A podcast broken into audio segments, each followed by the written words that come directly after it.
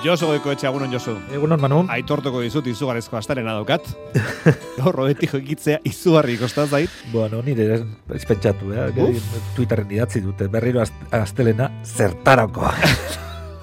ba, bestea beste, eh, astarena poesiaz jantzteko. Bueno, hori, Josu, bai, hori bai, hortako erabiliko dugu. Bai, beharrezko zegu gaur poesia pixka bat. Ia, ba, ia, ba, ez dakit animoa pixka bat, ez dakit goxatzeko, ez, aldartea, gure aldartea hobetzeko, poesia beti da botika ona da, eh? Bai, eta, bueno, gaurko poema oso politia dira, usa, bai. bueno, kigarria gozoak, eta, bueno, espero dugun, espero digun, eh, balio izatea ba, jenteari, ba, bueno, ba, Nik uste bai, eh, josu nahi duzuna, gure belarriak zure hau txentzuteko prest. Bai, liburu berri samarra dakarte gaurkoan, manu, e, duela lau bat urtekoa dau, normalan, mm. ba, igual zarragoak izaten dira. Baina egia da, e, poeta honek e, oso denbora gutxian, poeta, osea, liburu, poema liburu e, franco atera ditula, lau mm. hain zuzen, hau 2000 eta mazazpikoa da, Pamela argitaletxearekin ateratakoa.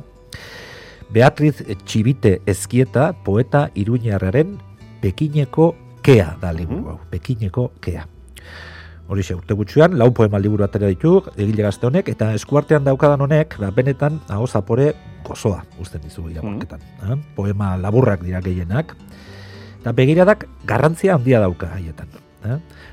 dezakegu impresionistak direla poema hauek. Beatriz eh? Txibite Ezkieta da poeta, eh? Beatriz Txibite Ezkieta. Poeta, bai.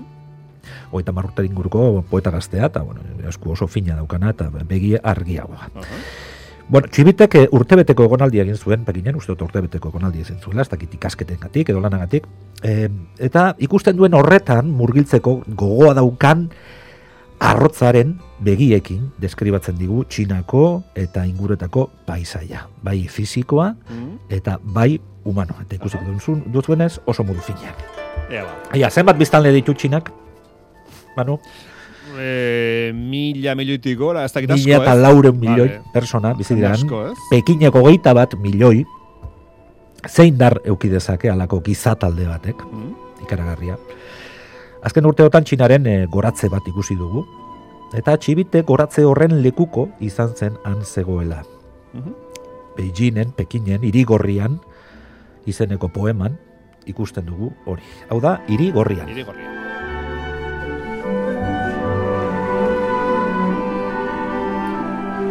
Irigorriak bihotz urdina dauka orain.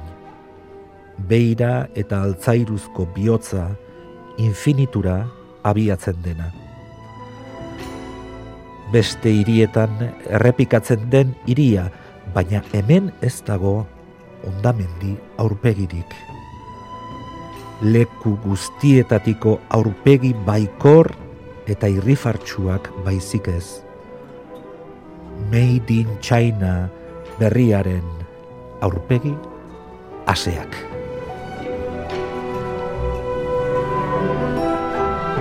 Beste baterako zenbaki astuko zait, baina mila eta laureun milioi biztan ditu txinak, esan duzu, Josu? Herri handia da, bai, bai, bai, bai. lurrez ere bai, baina bai, karagarria da, jentetza mm. bizitena. Bueno, lehen esan du txibiteren poematan begira da garrantzi handia dauka, bai, manu? bai. E, irigorriko biztanleak e, kameraren zehaztasunez harrapatzen ditu. Adibidez, legarra izeneko e, poeman. Uh poema honetan presakadoaz aita alabak goizean goiz. Ta nork darama nor.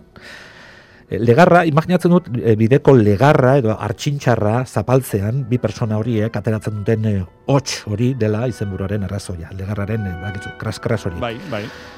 Oso politia da guzera. Aita alabak presaka. Legarra.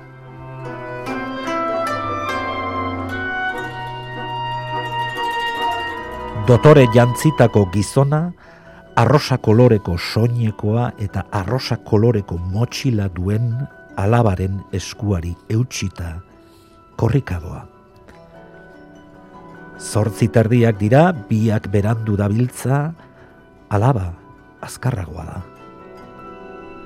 Bere esku txikiarekin, bultzatzen du, aita.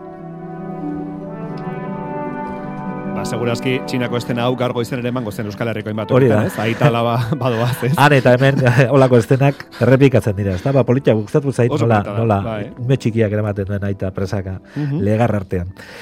Bueno, irik, iriko, ez dakit zu nun bizizaren, zehazki ez dakit galdera hau ere eh, egin beharko nizuken, baina ni Bilbon bizi naiz, Manu. Ni zarautzen bizi naiz. Zarautzen, Bai. herri, bueno, nahiko handia da. Bai. Bueno, ni hiri, hiri metropoli, bueno, ustezko metropoli batean bizi naiz, eta iriko bizimodu azkarraren erdian bizi garenok, gogoratu beharko genituzke, poetak, txibitek, ematen dizkigun, zazpi gomendio hauek.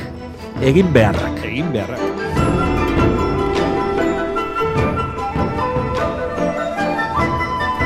Bat, metro hartu eta elmugako geltokira joan. Bi, banku batean eseri eta pertsonen abiadura neurtu. Hiru, bizilagunak eta tortak saltzen dituen emakumea ezagutu. Lau, bertan bera utzitako fabrika baten barruan dantzatu. Bost, noizean behin koloretako klarionekin grafitiak margotu. Sei, bakarrik ume eta gizon emakume zaharrekin hitz egin.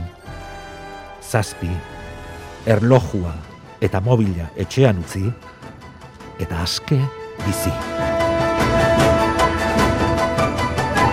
Hiri batean bizi denarentzat egin behar sorta zazpigarrena ederra da, eh? Erlojua eta mobila etxean utzita aske bizi.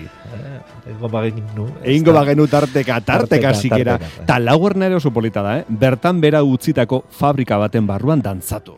Oso oso. polita. Bueno. Ondoren epifania bat, Manu. Mhm. Ez dakienaren zat, e, nik hau berandu ikasi nuen zertzen, epifani, epif, a, epifania bat da bizitzan oso gutxitan bizi ditugun une bete bete horiek. Egiaren bat agertzen zaigun unea. Sentimendu bizi-bizi bat izan daiteke. Naturari begira gaudela edo jendeari begira.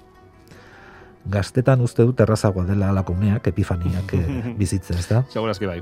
bai. Bueno, hau hogei urterekin gertatu zitzaion eh, han ez, txibiteri. Eta antxe nengoen ni du po- izena poemonek.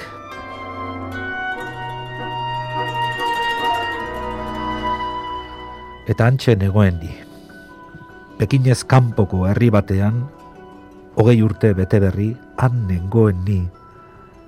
Zirrara orgasmo batekin, sorgin horratz baten zorionarekin, buruan pentsamendu bat ere ez, eta han nengoen ni, esnatzearen beldur, bizitzaten orgasmo honetatik.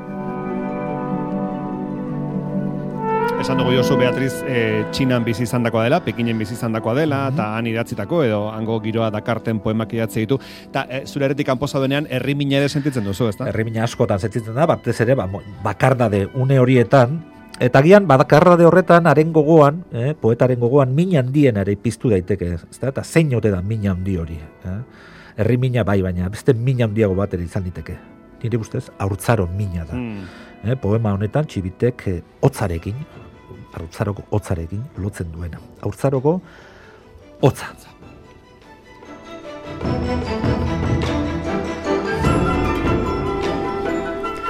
Arratsalde guzti haiek hildako orduak berokiarekin edota galtzamotzetan sokan saltoka zementu gainean atari gabeko patioan hormigoi leku horretako nozila bokatak eta inurri jolasen urte luzeaiek han egongo dira betiko.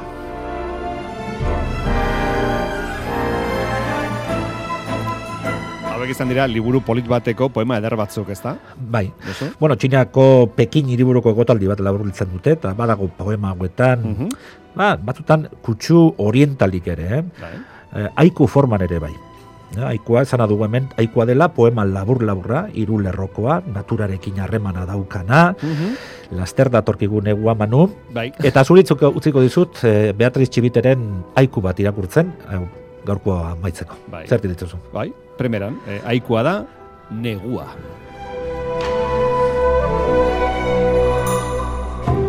Ibai izoztuan erortzen da, azken ostoa, arrakala xumea, irekiz. Hartuko goan, eh? Beatriz, Txibite, Ezkieta, eta bere liburua, 2017an argitaratua, Pekineko kea izenekoa. Oia, E, Josu, beto sentitzen naiz, eh? Suspertuta pixka bat, eh? pozten naiz, eutxi orduan, Eh, eutxi orduan. Bai, lortu du bere efektu balsamikoa, eh, poesiak. Josu, urrengo estan gehiago. Datorren astean. Nezarka da hundi.